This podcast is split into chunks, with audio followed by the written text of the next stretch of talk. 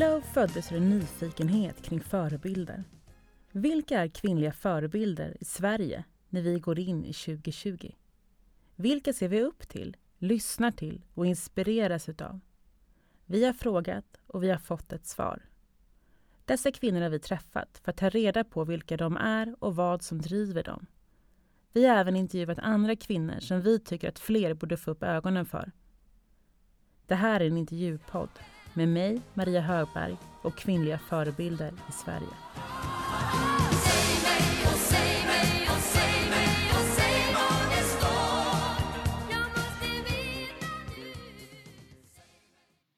Att laga mat som är bra för dig, din plånbok och planeten behöver varken vara svårt eller krångligt.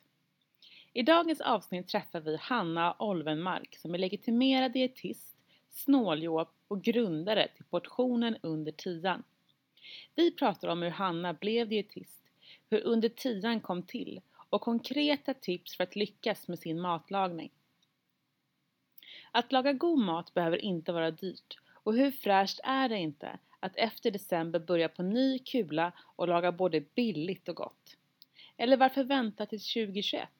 Hanna har ju även tips på julbord som passar de flesta plånböcker.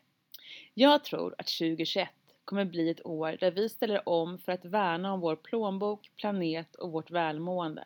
Och Hanna är en riktig inspiration till detta. Så luta dig tillbaka så rullar vi in till jul.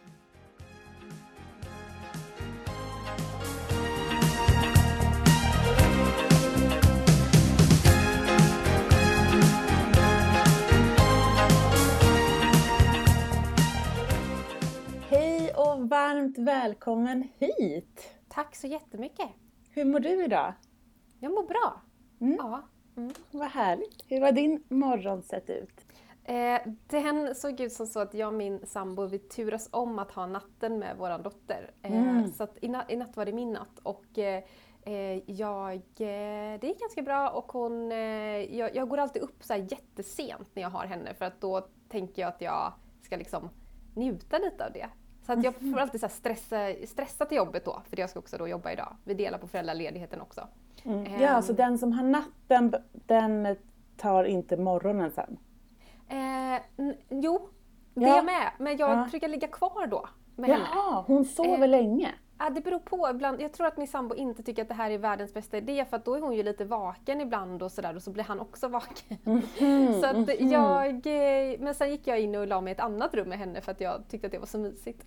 Ja. Så, nej men så att jag har inte haft så mycket morgon, det var nog mest det jag ville säga. Jag eh, for upp till jobbet och åt frukost här och sådär. Så att eh, jag har liksom ingen Innan barn kunde man ha lite av kanske en morgonrutin, yoga lite, meditera lite. Eh, men den är, den är long gone nu. Mm. Ja, den kommer tillbaka. Ja, exakt. Men du är ju legitimerad dietist. Mm. Ja, vad gör en sån då i korthet? Alltså det beror ju lite olika vad man jobbar med, men de flesta jobbar ju kliniskt, alltså på sjukhus eller inom primärvård med patienter som eh, behöver hjälp med eh, kosten. Ofta för att man har en sjukdom som ställer till det med eh, aptit eller olika problem man kan få med mat. Ehm, och, men sen finns det ju många som jobbar eget också. Jag är ju det just nu. Ehm, Men man kan jobba ganska brett skulle jag säga som dietist. Man kan jobba inom kommunen också, man kan jobba med förebyggande ehm, information och, och sådär. Men de allra flesta hamnar ju i, eller hamnar, de jobbar i, eh, i det kliniska. Mm. Och vad är de största problemen vi har med kost idag? Eh, oj, vilken jättestor fråga. Det är ju inte... Eh, alltså dels har vi väl det förebyggande, men sen inom, när man sen ser det i, i sjukdom, då är det väldigt varierande vad man har för ut, olika utmaningar. Så att, och det, det är väl kanske det som jag också, som är dietist, man jobbar ju egentligen, man jobbar ju väldigt lite, även om det finns dietister som jobbar med förebyggande vård så är det ju inte där de flesta hamnar utan man jobbar ju på individnivå. Eh, de allra flesta gör ju det. Mm. Och hur föddes det här intresset för dig? Eh, jag tror att jag fick ett intresse för kost på ett lite fel sätt kan man säga när jag var i tonåren. Alltså som så många tonåringar så kanske man börjar tänka alldeles för mycket på mat. Eller det kanske är snarare att man I mitt fall var det så att jag hade väldigt låg självkänsla då och tog ganska mycket kontroll över mat. Och då föddes ju ett intresse för det faktiskt. Eh, och sen så hade jag en ganska jobbig relation till mat i ganska många år. Men i och med det så blev jag liksom intresserad av kost och träning och sådär. Eh, och sökte till dietistprogrammet. Eh, men idag har jag inte den problematiken som jag skulle ändå vilja säga att jag hade då, utan nu förstår jag mer vad som är vad ska man säga, är rimligt. Eh, men det, så det var en obalans definitivt som födde mitt intresse. Eh, mm. Men men också tack vare att jag kom in på dietistutbildningen och fick gå den utbildningen så förstod jag att mina tankar som jag hade om mat, de var inte rätt. Ehm, mm. Så. så du sökte dietistutbildningen för att du ville liksom få, få kontroll över maten? Ja, jag tror faktiskt det.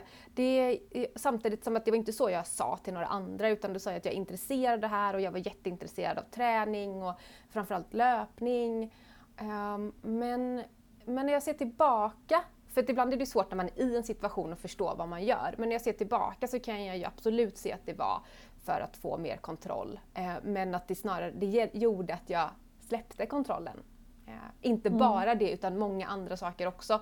Men i det fallet var det väldigt bra för mig att få mer kunskap. Eh, för att jag fick mm. vad ska man säga, rätt kunskap. När man letar kunskap själv ibland då kan man ju snöa in och bli ännu mer kontrollerande för att man inte får en bred bild. Mm. Och vad var liksom det som blev ögonöppnaren eller vändpunkten för dig på dietistprogrammet? Alltså vända det här äh, kontrollbehovet som kanske var destruktivt till att se mat och kost på ett annat sätt? Jag tror, dels hade jag en lärare som tittade mig i ögonen. Jag vet att vi hade en föreläsning som handlade om fett och jag var liksom så här fetträdd. Eh, och så sa jag det till honom efteråt. Jag, bara, jag, jag, jag liksom var lite kaxig. Jag, bara, jag förstår inte hur du kan säga att vi ska äta liksom, jag vet inte, fett eller något sånt där sa jag. Och då tittade han på mig och sa i ögonen, och han bara, du behöver det. Och, mm. så, och det var som att jag bara, eh, aha. Jag, jag, tror inte att han förstod hur mycket det skulle påverka mig. Men sen var det, alltså, sen var det små saker, det var, det, men det var ett sånt, absolut ett sånt moment om man säger så. Um, men sen har det varit små saker som, som uh, att jag, jag har haft väldigt mycket ångest och när jag började jobba med min ångestproblematik så förstod jag att jag har använt maten väldigt mycket för att kontrollera den. Och jag fick gå i KBT för att jobba med ångest. Mm.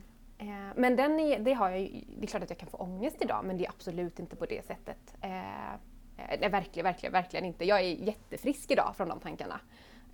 men det tog ganska många år. Mm. Och jag tänker, det är många som sitter med samma uh, problematik som du hade innan du fick liksom den här kunskapen genom din utbildning. Mm. Vad är liksom, vad kan, hur kan man sammanfatta det för de som sitter med den problematiken som du hade tidigare? Och jag tror att det är, det är så himla olika. M många människor måste, det beror lite på hur allvarligt det har gått, men att försöka få hjälp och få någon som kan eh, på något sätt hjälpa en att sortera de här tankarna. Om det är psykologhjälp eller om det kan vara dietisthjälp, det är ju som beroende på vad man är. Men jag hade inte löst det själv. Eh, det kan jag i alla fall liksom säga att det, man, man, man, när man, eller min erfarenhet av att gå runt med de här tankarna var väldigt mycket att eh, jag ska bli bättre, jag ska göra mer av det, alltså jag ska fixa mitt liv. Och det jag egentligen behövde var ju så här, jag behöver verkligen bara be om hjälp och kasta mitt öde lite i någons händer och inte hålla på med alla de här äh, tankarna. Mm. Eh, så att jag tror verkligen man ska våga be om hjälp. Mm. Men, men sen när det kommer till kost så är, idag lever vi i en tid också som också gör det svårt att liksom få en balans. För att vi kan se kost på sociala medier, vi kan, se, vi kan läsa böcker som kanske man tänker, ja men de här kommer att hjälpa mig men Istället så gör de tvärtom, de för in ännu mer på en kontrollerad eller rädsla för maten-bana. Eh, och, eh, så det är svårt att veta det. Jag, jag, det är ju, jag menar jag har också suttit med massa så här nischade böcker när jag, inte när jag liksom, eh, läste till dietist men innan och bara såhär, ja men den här kommer rädda mitt liv, typ. det här kommer göra att jag blir så mycket bättre. Och efterhand kan jag bara säga, jag skulle aldrig ha tittat i de här böckerna. Eh, men deras, det kan låta väldigt bra. Att det är så här, du kommer bli friskare, du kommer må bättre och sen så är det egentligen bara mer kontroll det handlar om. Mm. För idag är du även författare, du bloggare, influencer, men kanske mest känd genom portioner under tian.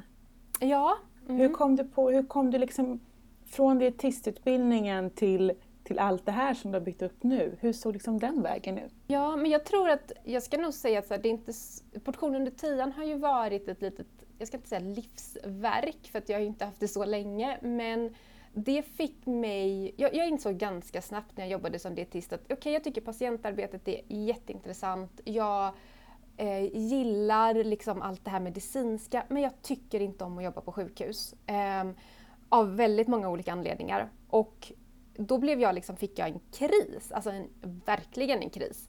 Um, en depression och liksom fick gå i psykolog för det då. Eh, och bara så här, jag är jag är rätt men ändå så fel.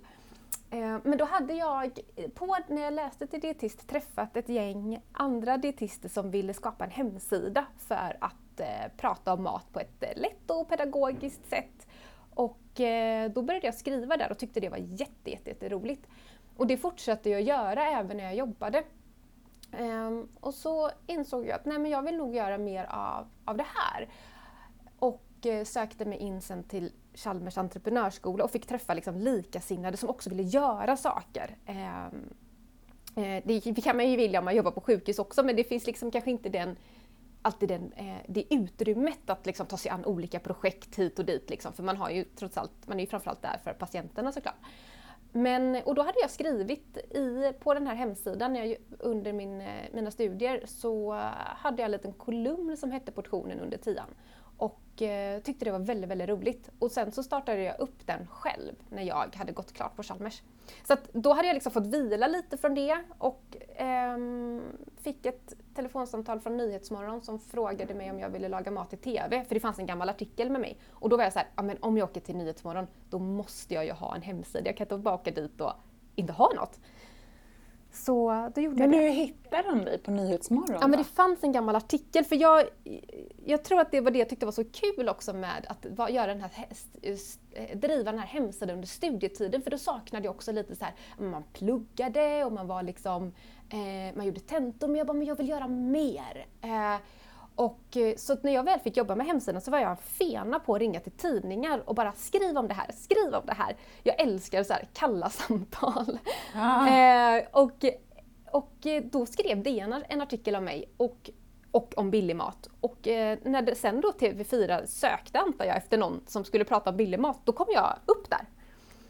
Ja. Så att då, så den artikeln var ju liksom lite, den var väl några år då. Men, eh, ja. Och var det efter eh, TV4 där som det bara började liksom ta fart? Nej, det tog ändå typ två, tre år innan det tog fart. Men då började jag i alla fall att lägga upp recept på en egen hemsida. Jag eh, jobbade inte längre då med de här dietisterna som drev den andra hemsidan. Vi gjorde ju mest det som ett hobbyprojekt. Ett väldigt tidskrävande hobbyprojekt. Vi kunde aldrig leva på det eller ta ut någon lön, men vi la ner väldigt mycket tid på det där.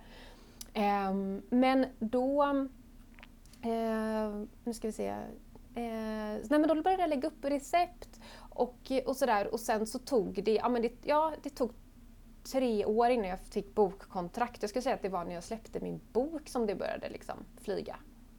Mm. Och hur kom du liksom tian? Var, var, varför skulle portionerna vara under tian? Ja, men jag tyckte att det var lite roligt att leka med det där för att ganska ofta har jag fått höra att bra mat liksom behöver vara dyr. Och jag mötte också den, den patienten i arbetet som sa så här, jag har inte råd att äta bra mat, du kan inte rekommendera mig bra mat för jag har inte råd. Och det här med pengar är så känsligt på så många sätt. Och jag, vi pratar inte mycket om det på dietistutbildningen, jag vet att de tar upp det mer idag, men just där, vad har man för ekonomi att röra sig med och hur kan vi faktiskt eh, prata mat utifrån ekonomi? Också. Att för vi går runt kanske med ganska många liksom, eh, så här, vi har olika bilder och saker och ting i huvudet att vi tror att det är på, på ett sätt eller ett annat. Det behöver inte alltid stämma överens med verkligheten som att eh, billig mat bara är dålig eller bra mat alltid är dyr. Det är inte alltid sant. Och då vill jag visa att ja, men om du använder mycket rotfrukter, baljväxter, eh, spannmål, frysta grönsaker, alltså det som vi också gärna får äta mer av, så blir det faktiskt väldigt billigt. Så då tyckte jag att det var väldigt kul att visa på liksom roliga rätter, inte typ så här ärtsoppa, nudlar, ketchup och makaroner som ofta är så förknippade med så lite fattigmansmat utan liksom vara kreativ och ehm, eh, ja, mer, mer inspirerande än det. Mm. Men vad är, liksom, vad är den största utmaningen för dig då när det gäller portioner under tian? Är det att förklara för folk att man kan göra god mat under 10 kronor eller är det att komponera rätter under 10 kronor? Alltså nu, nu, jag kan ibland absolut hamna i så här, gud vad ska jag göra för någonting? Det känns som att jag har gjort allt, men det har man ju aldrig för man kan alltid komponera eh, mer. Men nu skulle jag nog säga att det är min egen inspiration som tryter oftare. För att på något sätt så lever ju, jag behöver inte förklara så mycket upplever jag. För jag, upplever att jag lite så fått en snöbollseffekt. I, I, början fick jag förklara väldigt mycket, att man lägger ut en bild, man ska liksom visa här finns jag, hitta hit. Eh, nu känner jag inte att jag måste kämpa för det så mycket för nu förklarar andra åt mig. Eh, det kan ju handla om att eh, någon har köpt boken och sen sprider vidare det till någon annan eller det delas recept. Eller att folk tar med sig mat till jobbet, kanske inte just nu då, mitt i Corona, men det har ju varit det är jättehäftigt att se att det kommer nästan alltid följare efter lunch. Eh, för då har någon suttit liksom och ja, men jag lagade detta. Att så här, folk mm. pratar. Då tipsar de och så får du följa det. Ja. ja, vad häftigt!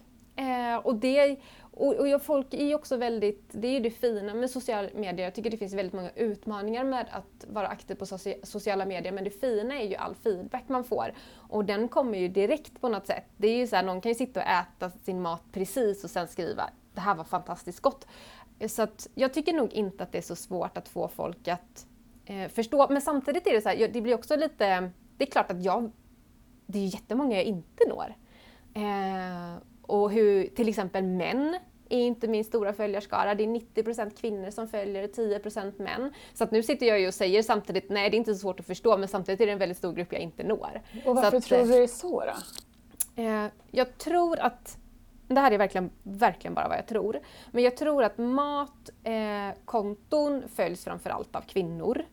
Eh, och jag tror fortfarande absolut att mat är mer av en ett vardagsmat är mer av något som kvinnan styr hemmet. Mm. Och det tycker jag är lite jag kan ibland känna så här, oh, håller jag på liksom och, och förstärker den eh, kanske icke-jämställdheten? Um, och jag, vet, jag, jag, skulle väldigt gärna vilja nå fler män men jag är inte man heller. Eh, så det är inte så att män bara lyssnar på män men, man, men det, det kan vara så att man tar till sig något från någon man känner sig lite, eh, vad ska man säga, eh, lik. Och det är klart att där kan det finnas en skillnad. Många kanske, män kanske tänker så här, men vad är det för någon så här, liten skogsmulle? för jag är ute mycket i skogen, så här, det, nej det där är ingenting för mig. Vegetariskt är ingenting för mig. Eh, men det finns ju många män som jag vet också har liksom fått över sina vänner på att... Eh, så det behövs oftast vara någon liten så här, föregångare. Som, mm. Och de, vissa av dem kanske jag kan på något sätt att utbilda. Men alltså, jag vet inte. Jag, eh, jag tänker ganska mycket på det här men jag har inte kommit fram till något eh, fantastiskt än. Men är det fler eh, tjejer som är vegetarianer och veganer också? Kan det vara någon sån nyckel också i det? Eh, ja, det är det ju. Det är ju lite, det är mer intresse för vegetarisk, vegetarisk kost bland, eh, eh, framförallt bland unga men också bland, bland kvinnor. Eh, ja, så där har du nog absolut en sak också. Eh, och eh, i klimatet också, eh, liksom, ehm, engagemanget för det. Ehm, men det är synd för att när man ser också på liksom, de kostråden som vi har så är det framförallt män som man vill nå ut med att minska köttkonsumtion och höja intaget av frukt och grönt. Och också hos kvinnor, men ännu mer hos män. Mm. Eh, så att på ett sätt så kanske jag jobbar egentligen liksom för fel målgrupp. Men det, om det då är kvinnor som lagar maten och de serverar till sina män så kommer det påverka dem också. Men det här är, det här är en viktig fråga tycker jag. Mm. Ja. Men jag, kan, jag är ju vegetarian själv eh, och har ju lagat mycket vegetarisk kost hemma och jag tycker att man sakta men säkert börjar liksom omvandla sin mm. man. Alltså han uppskattar mer och mer vegetarisk mat. Ja. För två år sedan så fanns inte det på kartan. Liksom. Då var det ju alltid en, en köttbit bredvid. Men nu så, ju mer kunskap jag får, desto godare blir maten och desto lättare att omvandla honom till att äta mer vegetariskt också. Ja, och, så, och det, precis så är det ju också att det, det, det, kräver väldigt mycket tid och sen så sker ju inte förändringen bara på en punkt oftast. Alltså den sker ju inte bara i hemmet utan, eh, nu tar jag din man som ett exempel, men, här, mm. men han har säkert vänner som är med om samma sak. Man ser det mer, du ser reklam nu ute. Eh, det pratas om det på ett helt annat sätt. Så det är ju därför det är så väldigt viktigt när vi ska alltså försöka förändra norm. Alltså det går inte att göra det bara en enskild liten liksom en liten enhet utan det måste ske liksom runt omkring för att det ska bli det. Mm. Um, så att, ja, det är väl, och det är det som jag framförallt vill göra med portionen under tian, jobba med att förändra en norm. Jag är inte liksom, här, om jag ska vara helt krass så är jag ganska ointresserad av vad personer kallar sig, om det är vegetarianer eller veganer eller sådär. Jag kan förstå att det är viktigt att det finns liksom olika titlar för att liksom driva frågan. Men, men, men eh, mitt mål med portionen under tian det är att få fler att få upp ögonen för växtriket. Mm. Och vissa typer av råvaror framförallt och då väldigt mycket ballväxter eh, och, och eh, råvaror i säsong och, och sådär. Eh, men sen vad man, om man äter en kyckling ibland eller en köttbit ibland, alltså jag skulle aldrig lägga någon värdering i det. Men du som dietist då, mm. hur, hur mår kroppen av att äta rent vegetariskt eller veganskt? Det är ju ganska stor skillnad i och för sig, men om man tänker vegetariskt då, hur mår kroppen? Utav det? det beror på vad, man, vad i med det vegetariska man stoppar i kroppen. Mm. Eh, det finns lite liksom bra grundregler, men, men om man äter liksom en, vad ska man säga, en välbalanserad vegetarisk kost som gör att man är mätt, man kan hålla sin, eh, liksom, man går inte ofrivilligt ner i vikt, eh, man, man eh, man äter varierat så kan man må alltså, väldigt, väldigt bra. Eh, men du kan ju också välja att äta vegetariskt och äta hamburgare varje dag. Det är mm. inte, det är inte ett, eh, det är inte hållbart på sikt även om vi absolut kan äta liksom, hamburgare emellanåt. Eh, men det, det är snarare mer viktigt, alltså jag, jag tror att när vi pratar om mat så måste vi också förstå att det är också vad vi inte väljer att äta. Det är inte så här, det har inte så mycket med vad vi kallar oss vegetarianer eller veganer att göra utan snarare vad vi, vad, vilka råvaror vi lägger på tallriken. Mm. Um, att det måste vara balanserat och det måste finnas alla näringsämnen i det. Ja men det, alltså en, en kost man kan äta på ganska många olika sätt och må bra. Det tror jag liksom att så här, det kan vara en bra eh, insikt att ha. Eh, men att om man äter en vegetarisk kost och gör det framförallt ifrån liksom, eh, alltså råvaror, kanske inte bara hel och halvfabrikat. Eh, man äter liksom olika typer av källor till protein. Man äter olika så här, spannmål, grönsaker och, och, och, och fettkällor. Så så blir det oftast liksom ganska bra. Om man inte äter då massa skräpmat, dricker massa läsk eh, och sådär. Eh, så att det, jag tycker att den här frågan är väldigt, väldigt svår för det är så här, bara, ja, men är det bra eller dåligt? Ja, men det beror ju liksom helt och hållet på vilka råvaror du väljer och liksom hur och, och vad du får i dig. Det är inte så mycket liksom, är det veganskt eller vegetariskt som är det intressanta i sammanhanget. Men jag tänker att du ska få hjälpa oss lite med olika eh, måltider. Frukost, lunch, middag, mellis, fika och mys. Mys, ja. Eh, jag vet inte vad man ska kalla det. Men när man, när man vill ha fredagsmys eller någonting sånt. Ja. Om vi börjar med frukost då. Vad har du för liksom bra recept som då utifrån både ditt som dietist och under tiden? Ja, jag älskar själv eh, att äta typ gröt, i alla fall den här tiden på året. Då tycker jag att bovetegröt är det ultimata, det liksom blir jag personligen mätt på.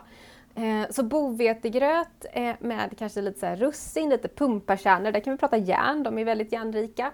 Gör du någonting med pumpakärnorna då? Nej, jag brukar bara typ ha i dem. Eh, man kan också göra ett frösmör om man vill och liksom blanda i det om man inte vill ha liksom tugga så mycket. Mm. Men sen, frösmör, då tar man bara det i mixen då och låter det... Ja, ja. En, en, har en, liksom en rätt kraftfull mixer så det är bara att mixa på så kommer de att bli, eh, kommer det liksom bli krämigt. Mm mm. Eller en macka.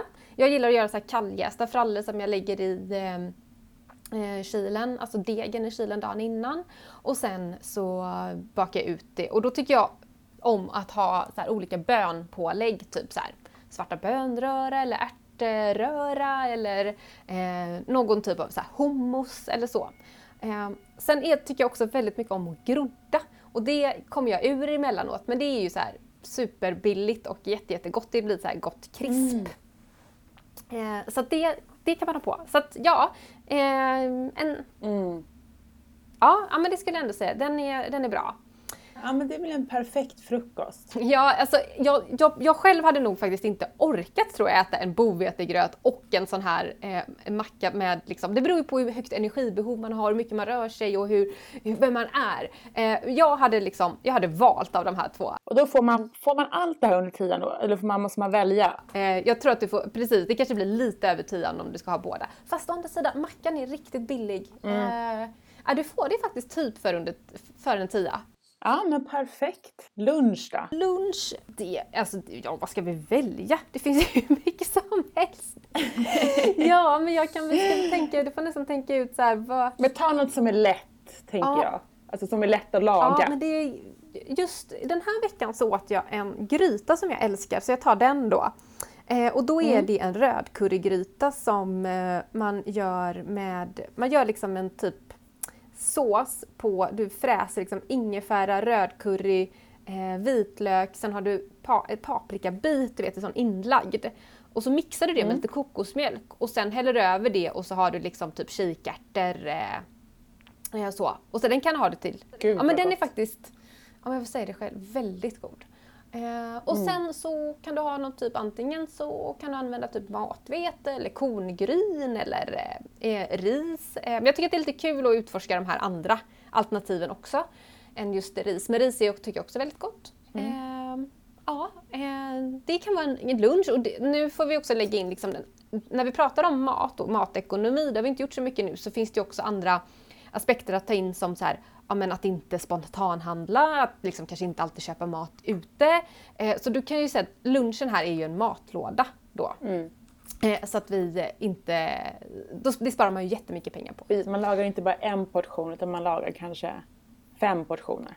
Ja, ja men och att du verkligen liksom alltså tar med dig maten om man nu, men även nu när vi är hemma kanske, mm. att vi inte, eh, att vi är lite liksom på förhand. Ja, för jag har faktiskt börjat med mer matlådor när jag jobbar hemma. För då, gör jag, ja, då, har jag, då är jag ju hemma och så gör jag en stor gryta. Och sen fryser jag in den. För jag tycker nästan jag har mindre tid när jag är hemma. Jag tycker det är skönare att bara ta en matlåda och värma i mikron än när jag är på jobbet. Ja. Men kommer du att fortsätta med det här då måste jag ju fort, äh, fråga då. Jag har ju, alltså med matlådor. Mm. Alltså det här har ju varit mitt, mitt mitt eh, mål så många år att ha matlådor. Men på något sätt så, alltså, vet, jag har en väldigt hungrig familj. Så mm. att när jag lagar middag, jag tror att det här är problemet, då äts det upp. Alltså, mm. de, min familj äter tills maten är slut. Jaha, du kanske måste gömma den matlådan innan då? Ja, men jag har ju provat det också. Men då är det så här, finns det ingen mer mat? Alltså liksom, det, det är vi är matglada i vår familj. Men just när jag lagar lunch då, då är det ju bara jag hemma och ibland min man. Ah. Så då är, då är ju all mat kvar och det här har blivit jätte, jättebra. Men jag ska ju verkligen försöka och nästa år så tänker jag verkligen att jag ska ha ett sånt här sparår. Ah. Eh, både när det gäller liksom konsumtion överlag och när det gäller mat. Ja. Att det känns som en så här rolig utmaning att gå in i. Och då är ju matlådor och just allt som du pratar om nu helt perfekt. Ja, och det, där, du säger ju så bra saker för att jag tror att så här, det är så viktigt att ibland fundera på vad är det som blir utmaningen. Eh, alltså i ditt fall låter det som att så här, okay, vi behöver hitta en annan, ett annat sätt än att kanske bara göra extra mat vid det mm. tillfället för att då äts det upp. Eh, så att det, är det, här, det här tycker jag är väldigt spännande att så här, vad är varje persons lilla utmaning? Ja. Eh, men, eh, ja, men då lycka till då. Du kan ju, en bra motivator är ju att man sparar så mycket pengar. Ja, men jag ska också säga en rolig grej som faktiskt stämmer. För jag träffade, eller träffade, men jag träffade en på IKEA när jag var där. Och så pratade vi om de här glasmatlådorna mm. som de har. Mm. Och då sa så, men varför är de i glas? Och då hade de, sa han då, eh, sett att om de är i glas så har man större benägenhet att äta upp maten. Mm. För att man mhm. ser den än om den är i plast. Så det har dels miljöaspekten, att det är, liksom, det är mer miljövänligt att göra dem i glas. Men du har också att vi äter maten. Mm, vad intressant. Eller hur? För det tänkte, jag tänkte mer att det var så här miljö att man kan återvända den, eller återanvända den flera gånger och att den håller sig fräsch och allting sånt. men också att vi faktiskt då äter upp maten. Det, du kan ju också göra så annars om du vill gömma maten, att du, du, du har en sån liten eh, matlagardag när inte de andra är hemma när de äter. Så Ja. kan du bara frysa in. Ja, Det kanske inte är precis. lika, liksom lika attraktivt att börja tina vid middagen om någon bara jag är hungrig, då kanske man inte går till frysen och hämtar massa mat och tinar upp. Nej, nej men precis. Och det är det som blir så jäkla bra nu när det är lunch. Alltså när de inte Ja. är hemma på lunchen. Då funkar ju det liksom. Ja, ja. Ja. Men jag tänker vi ska gå över till middagen då också. Då. Ja. Om vi har, och då tänker vi lite lyxigt. ja, men jag skulle också vilja lägga in något mellanmål emellan. Får jag göra Ja, det? ja, det kan du få göra innan. Ja, Ja. tack. För det, det är ju eh, kanske lätt att man så glömmer mellanmål och så blir man så lite hungrig och så springer man iväg och köper någonting. Jag älskar att göra olika sådana typ så bollar av olika slag, eller bars. Och de är också perfekta att så göra massa, eh, ha ett litet så här, liksom produktionsband hemma och så bara fryser man in hur många som helst. Ehm, så det tycker jag är väldigt, väldigt bra. Och vad gör du Eh, dem på då? Då är det Ja, dadlar? men typ, ja, dels så på hemsidan då kan man hitta på jättegoda grönsaksbars som är så här med eh, spinat, kikärtor, majs, eh, lite mjöl som man liksom format till en bar. De blir jättegoda. Eh, men annars gillar jag göra också sådana på, på dadlar, kanske lite solrosskärnor, kokos, kakao och, så att de blir ja, lite chokladbollsaktiga. Ja. Eh, bananbollar tycker jag väldigt mycket om. Att är, för de går så fort att göra. Då tar man bara så svinn, lite så bruna bananer med havregryn, kokos, russin och klickar ut på en plåt typ. Eh, smoothie tycker jag också är väldigt gott att ta med. Ja. Men bollarna är ju liksom, jag tycker det är smidigt som tusan. Det är lätt också. De är bara, Ja. Det är bara slänga in dem i munnen. Ja, ja, exakt, exakt. Ja. ja, men gud vad bra. Sen så hade du också någon eh, som såg ut, såg jag på ditt Instagram nu, som en risifrutti. Ja, vad roligt. Jag har precis suttit och ätit en sån Ja. nu. Ja, Vad, vad, eh, berätta om den också. Ja men det var ju en, det är väl en liten sån, jag gillar risifrutti väldigt mycket men risifrutti är ju väldigt sött liksom. Hur många, den här det är- innehåller ju liksom hur många sockerbitar som helst. Ja och, det, och jag tycker inte att det är så gott. Eh, om jag ska vara helt ärlig. Så att jag körde en, eh, kör med grötris Mm. och eh, så kokar man upp det med typ eh, havredryck eller någon annan mjölkdryck och sen har man i lite chiafrön så att det bara så här blir att det är så här stabbig liksom på Mm. ett bra sätt. Eh, och sen så kan man ha någon typ av topping, antingen någon äppelkompott eh, eller nu åt jag med bara värmda hallon på. Mm. Eh, och det blir som en, en, eh, en risifrutti som man kan ha med. Mm. Men kan man ha, göra dem i portionsförpackningar också in i kylskåpet? Ja, Ja. det kan du. Du kan ha dem i typ i, någon glasburk. Mm. Eh, det, nu sitter jag faktiskt precis och tittar på en sån här glas för det är så den har varit Ja. i en sån du vet med sådär knäpplock. Ja men det var den jag såg jag tyckte det såg så gott ut att äta Mm. ur den också så jag blev jätteinspirerad. Ja men det är väl lite såhär, liksom lite, det känns betydligt mer lyxigt än en Ja. risifrutti. Ja, Eh, verkligen. ja, Ja, eh, ja men kanonbra. Men då går vi över till någon middag då. Ja, en lyxig middag vill du ha. Mm. Eh, då ska vi tänka lite vad, vad jag själv tycker är lyxigt nu, för det här varierar nämligen lite. Jag, eh, jag tycker att det absolut lyckligaste, lyck, lyckligaste, lyxigaste är ju att gå ut och äta utomhus. Men det är kanske inte riktigt det du tänker på. Nej, men jag Men- tänker typ att man, jag tror så här, en fördom kan vara att men maten och tian, jo men du kan inte bjuda hem några och så kostar deras portion bara 10 kronor. Alltså, Får jag fråga, vad är, är det, varför är det så tror du? Jag måste ställa tillbaka den för jag frågan. tänker ju, jag tänker att oftast när man liksom går på middag så är det ju att man, man, att de har köpt något gott kött och det är Alltså det är mycket ingredienser och det är ju liksom så. Och då tänker jag att nej men så behöver det ju inte vara. Det, hela liksom ditt matkonto och allt du har är ju, andas ju väldigt mycket lyx tycker jag. Mhm. Men om vi ska, eh, ja, men alltså jag tänker lyx i, i smakupplevelser. Mm, Eh, och då tänker jag också om man ska, för männen, så här, vad, om man ska säga men vi bjuder på det här. Som är, Ja, okej, ja, pre- jag förstår. Jag tror att, oh, gud, jag tycker det här är en jätteviktig, om man tar det här i större perspektivet, att vi också måste omvärdera det här med vad som är generöst. För att det som just, den, det här, tror jag många liksom ställs inför som du säger, att man, så här, man ska bjuda på någonting och så tänker man att men, om jag ska vara generös, då måste det ha kostat mycket för att det ska vara generöst. Mm. Eh, och det är, är absolut inte särskilt kanske så här, möjligt för alla, för det första. Eh, och sen kan det skapa väldigt mycket prestationsångest och kanske ett jättestort hål i plånboken om man alltid måste typ köpa jättedyra saker. Mm. Eh, så för det första skulle jag nog vilja säga så här, men våga kanske gå emot det och bara så här, ja, men att bjuda på mat för det första är generöst bara den handlingen i sig. Eh, även om maten är billig. Men, men, jag förstår ju att man kanske ändå vill laga något som är liksom så här, Är det inte det att man vill äta något som är gott egentligen? Än att det är mm. dyrt? Jo men precis. Men jag tänker, det ska ju också se lite gott ut. Jag tänker att om jag gör en, en, en middag till min familj, då kan jag ju slänga ihop någonting. Men om jag ja. bjuder hem någon på middag, då vill jag att det ska vara lite upplevelse, det ska se lite fint ut. Och så liksom att de ska känna att, ja men oj, nu har Maria ansträngt sig lite. Ja, då, om jag skulle nämna lite rätter som jag tycker är lite sådana så här, jag har ansträngt mig lite rätter. Eh, så tycker jag att det, det, finns en pizza i, bok, både bo, i boken och på hemsidan som heter Pizza Bianco ja, som är med älskar det. Ja, kronärtskockskräm.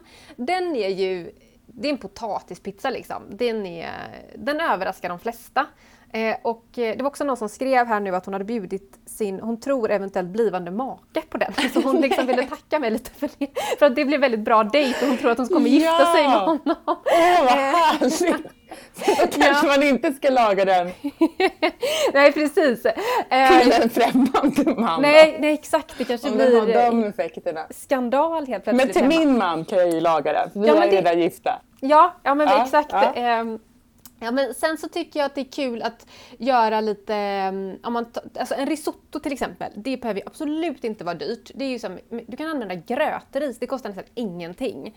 Eh, och sen har man kanske stekt lite svamp, eller om du kanske varit ute och plockat, det är ju liksom jättebilligt och ja. definitivt, då har man ju verkligen ansträngt sig.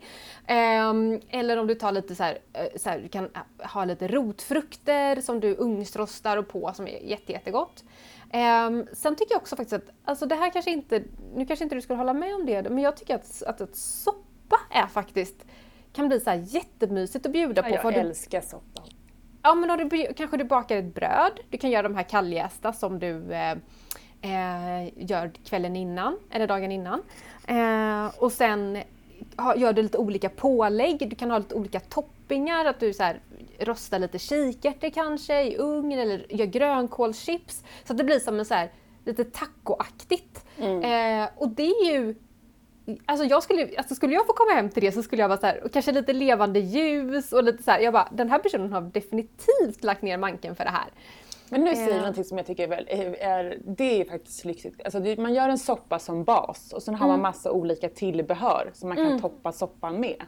Ja, och det, liksom, och det här är ju superbilligt. Eh, mm. Och jag tror också att vi så här, äh, ja men det måste inte vara eh, jag tycker nyår kanske är ett sånt bra tillfälle. Då ska alla äta oxfilé och potatisgratäng typ. Och bara så här, det har vi ju bara fått för oss att vi ska göra. Mm. Eh, alltså det måste inte vara så kött för att det är att, det är liksom lyxigt. Utan vi kan också så se de här, när vi bjuder någon på mat som ett tillfälle att så här, nu kanske den här får prova någonting nytt. Mm. Eh, som, och, och bli positivt överraskad. Så man kan också se att det är också ett chans och, en chans att kanske så här, jag ska inte säga påverka, man behöver inte ha värsta diskussionen typ såhär, nu äter vi vegetariskt och det är bra.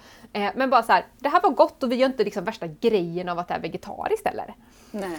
Men det är en sak som du säger som jag tänker också är väldigt lyxigt, det är ju tiden man lägger ner på det. Ja, ja, ja, verkligen. Och sen själva liksom ja, men sammanhanget, att ens bara få sitta, sitta ner och prata och framförallt nu, nu får vi inte ens ha de här middagarna. Jag skulle jag kunna äta vad som helst helt ärligt, bara för att mm. få sitta i ett sammanhang och äta mm. middag. Mm. Det liksom kan typ nästan vara luft så hade jag känt mig nöjd. Eh, så att jag tror att den här tiden kanske också kan få oss att så här, vad är lyxigt egentligen? Eh, när det här inte är självklart. Mm.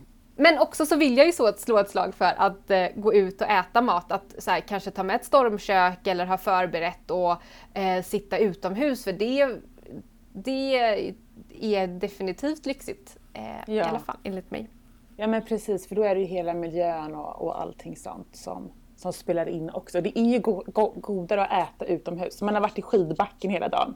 Ja. Sen så får man liksom gå åka till någon sån stuga och så grillar de någonting där och så. så är det ja, liksom. men nu, nu, nu, vill jag inte säga emot dig, men jag tror att många gånger tänker vi att så här, vi måste vara på det där stället. Alltså ja. så här, jag måste vara i skidbacken eller jag måste ha mitt, min semester för att få till det där. Men det måste vi ju inte, utan du kanske kan gå till typ något närområde nära dig och typ ta ja, men bara middagen eller lunchen där och så får du ändå lite av den så här, upplevelsen fast du behöver inte ha liksom, semester för det. Nej, precis. Man ska bara fånga dagen. ja, exakt. Ut med, ja. med stormköket. Ja, det blev ju årets julklapp så det är ju... Eh... Blev det det förra året eller? Ja, Nej, måste... igår eh, tog, de, tog de fram det. Aha. Är det sant? Ja. Men gud, det här ska jag, vet du vad jag ska göra nu? Jag ska köpa Nej. det här till min man i julklapp. Ett stormkök, han älskar ju sånt. Ja men perfekt. Eh, Då förstår du att jag inte gör det. Ja, nej, så kan du ge honom min nästa bok för den kommer ju handla om det här. Ja men perfekt! Ja, bra! Då har du löst då det. Då har du löst det, ja. Och då har vi ju fika och mys kvar då. Just det. Mm. Vad ska vi göra då? Efterrätt eller fredagsmys eller? De här bollarna som man kan ha till mellis funkar ju också. Men ja. Eh, jag tycker faktiskt att ett väldigt så här, kul fredagsmys är, alltså jag har inne en sån popcornperiod. Ja. För att jag tycker att så här, popcorn är så underskattat. Det är alltså, verkligen, verkligen gott tycker jag. Eh, och det är också verkligen, verkligen, verkligen billigt. Eh, och det kan ju smaksätta på massa olika sätt om man vill göra det lite roligare. Du kan ju så här, göra chokladpopcorn eller du kan ha typ så här, dill och lite parmesan eller du kan typ ha lite, jag tycker typ nästan det är godast helt naturellt. Eh, Men chokladpopcorn, häller man i kakao då när de, i oljan eller? Men då gör du det efteråt. Antingen ja. så smälter du lite choklad eller så tar du typ och bryner kanske lite smör, lite kakao och bara slår mm. på det. Eh, eh det är jätte, jätte, jätte, jättegott. Fast jag tycker nog nästan att som sagt att det, det om man vill ha lite så här godisvariant. Eh, men eh, och nu, och sen är jag ju så här, jag är ju faktiskt värdelös på att baka. Så när du säger så här fikatips, då får jag ju bara så här oh no, då måste man baka. Det måste man inte, men jag kan göra en god kaka. Ja. och det är en väldigt god blåbärskaka. Eh, men, men annars tycker jag att det är jätte, jättegott att typ göra alltså våfflor. Ah. Det är ju liksom så här, super egentligen. Om man har ett våffeljärn är det ju enkelt. Annars får man kanske göra pannkakor. Jag tycker pannkakor också är väldigt, väldigt gott. Ah. Um, men um, jag är inte liksom experten på, på fika. Men mm. däremot så har jag ju nu inför min bok ändå satt mig in lite i, no, i eh, jag har liksom samlat ihop några recept som är bra. Um, som andra har tipsat mig om. Mm. så att eh, det Eh, det, det finns, kommer faktiskt finnas några bra, men det finns ju jättemånga som är duktiga på att göra bakverk. Så. Ja men precis. Eh. Och det är, det, bakverk är ju inte så dyrt heller egentligen. Nej, nu kommer jag faktiskt in på någonting som jag ändå kan så här, Eftersom att jag inte tycker om att baka, det är inte så att jag i alla lägen är så här, jag ska inte lägga pengar på det här. Verkligen inte. Jag tror nästan att det kan vara en liten missuppfattad mening av mig. Eh, för jag kan definitivt så här, lägga pengar på det jag, jag tycker är värt. Och tar vi bakverk kan jag vara så här: okej okay, ska vi typ äta bullar nu, så ja, men då kan jag gå till det här bageriet jag tycker jättemycket om och köpa med de här bullarna som är jätte, jättegoda. Mm. Eh, så det är inte så att jag alltid tänker så att det måste bli liksom, att jag måste göra allt, allt, allt själv. Eh, utan vissa strider tar jag typ inte. Men, mm. eh, men jag kan tycka att det är mysigt att stå och baka bullar också. Men jag blir ju ganska besviken när det blir riktigt dåligt. Ja. Så då, eh, ja. ja. Men då har du utvecklingspotential. Det har jag. Ja, det har jag. Så kommer en ny bok sen. Nu ja, kan jag baka under tian. Ja, jag fick en sån bok av, som är gjord för barn av min eh, fotograf som jag jobbar med. Där det står där det är så bilder på typ så här, fyra matskedar och då är det bilder på fyra ja. matskedar. Ja. Eh, så att hon bara, så, den här, nu kan du inte misslyckas. Nej. Men ja, tiden går ju så himla fort här så att jag avslutningsvis då. Vad vill du ge för tips för att vi ska lyckas med det här? För jag känner mig jätteinspirerad av att börja eh, laga mat under tian som är mm. god och allt, tänka på det. Om jag, när jag ska ha ett hållbart år nästa år. Vad ska jag, liksom, jag och alla som lyssnar ja. tänka på för att hålla ut liksom? Att hålla ut? tänker du att det här är någonting som bara ska vara det här året och sen ska du sluta med det? Nej, men det jag tänker är att man har oftast ganska mycket ambitioner ja. i början av året och sen så typ jag ska börja träna, nu ska jag inte shoppa nya kläder, jag ska laga mat under tian. Och sen så sitter man där sen bara och har köpt hem snabbmat eller man har, alltså du vet, stressen ja. kommer. Ja, alltså jag tror, du, åh, du, du är verkligen spot on på någonting för det här märker jag ju så mycket. Det kommer väldigt mycket följare efter mig i början på året och sen mattas det ju av. Och Mm. många är såhär, man vill gå all in och nu har jag bestämt mig för det här. Alltså jag tror, om jag ska vara helt ärlig, inte att den här liksom, nu ska jag köra allt på alla fronter är en bra strategi. För man blir trött. Dels så kanske man har förtänkt att så här, att det kommer, det kommer hända något magiskt av att jag gör detta. Jag börjar med alla de här sakerna och så kanske typ så här, nu ska jag bli så lycklig. Och sen så kanske i typ mitten av februari bara, det har inte hänt än. Eh, så att, och man kanske säger, ja men så köper man då som du säger snabbmat och så känner man sig som världens sämsta människa. Fast du har redan gjort massa grejer. Så att, att du köper snabbmat det är liksom ingen, det är inget dåligt till och med kanske. Nej. Eh, så att jag, jag tänker så här, kanske sätta förväntningarna lite rimligt. Om man ska börja göra detta, man vill kanske börja äta om det är vegetariskt eller äta, spara pengar. Men börja med, sätt ett rimligt mål. Om jag ska göra det här två gånger i veckan. Eh, men, men jag tror inte på att, att, att eh, eller så här, jag tror att det är bra att vara lite för, eh, vad heter, inte förbiseende, men att eh, dels ha tålamod, men att kanske försöka, vad kan, hur kan jag hjälpa mig själv bäst i, i det här målet? Och en sak som är väldigt, väldigt effektivt är faktiskt att planera, för då hjälper man sin hjärna att ta de här besluten på förhand. Så när det kommer till maten, att kanske inte då tänka att varje dag ska jag ta så här ett fantastiskt bra matbeslut. Ehm, för när vi är stressade, trötta, hungriga så blir det svårt. Hur kan jag göra det enklare för mig själv? Ja, men om jag planerar min vecka på söndag så att vi har all mat hemma. Jag har redan, jag har redan tänkt ut det här i förväg. Då kommer den chansen faktiskt vara större. Precis, att man planerar. Det är lättare att laga ett recept man har allt hemma. Det är när man inte har någonting hemma som det här liksom, Ja. jag själv tycker uppstår. Exakt, det handlar liksom väldigt mycket om vad du, gör, vad du gör tillgängligt för dig själv. Vi kan bara ta det här med att äta godis. Om du är sugen på godis och så har du godis hemma. Nu säger inte jag att det är fel att äta godis, för det kan vi göra, men om det är så att man äter väldigt mycket godis kanske det är bra att minska på. Då är det ju större chans att du äter godiset om du har det hemma än om du Mm. inte har det hemma. Mm. Och, det, och, och samma sak, den, den mekanismen kan vi vända på. Så här, jag kommer troligen äta den här typen av mat om jag har den hemma. Ehm, och, men, men just att kanske få så här, om, om det är någonting du ska börja med i januari, varför inte börja med det redan idag? Mm. Att inte så vänta på att så här, i januari ska allt, alla mina, så här, jag ska bli den perfekta på alla fronter. Det, ehm, jag, jag, åh, jag, tror, jag tror inte på det för att jag hör så många vara i samma sits ett år senare och så ska man börja i januari igen. Ehm, Ja men det är väl jättebra. Vi, vi kör igång nu. Ja, typ vad Ja. lagar du imorgon? Ja, kanske, i, idag, idag är det, imorgon är det fredag, gör den här pizzan kanske. ja. Så himla bra.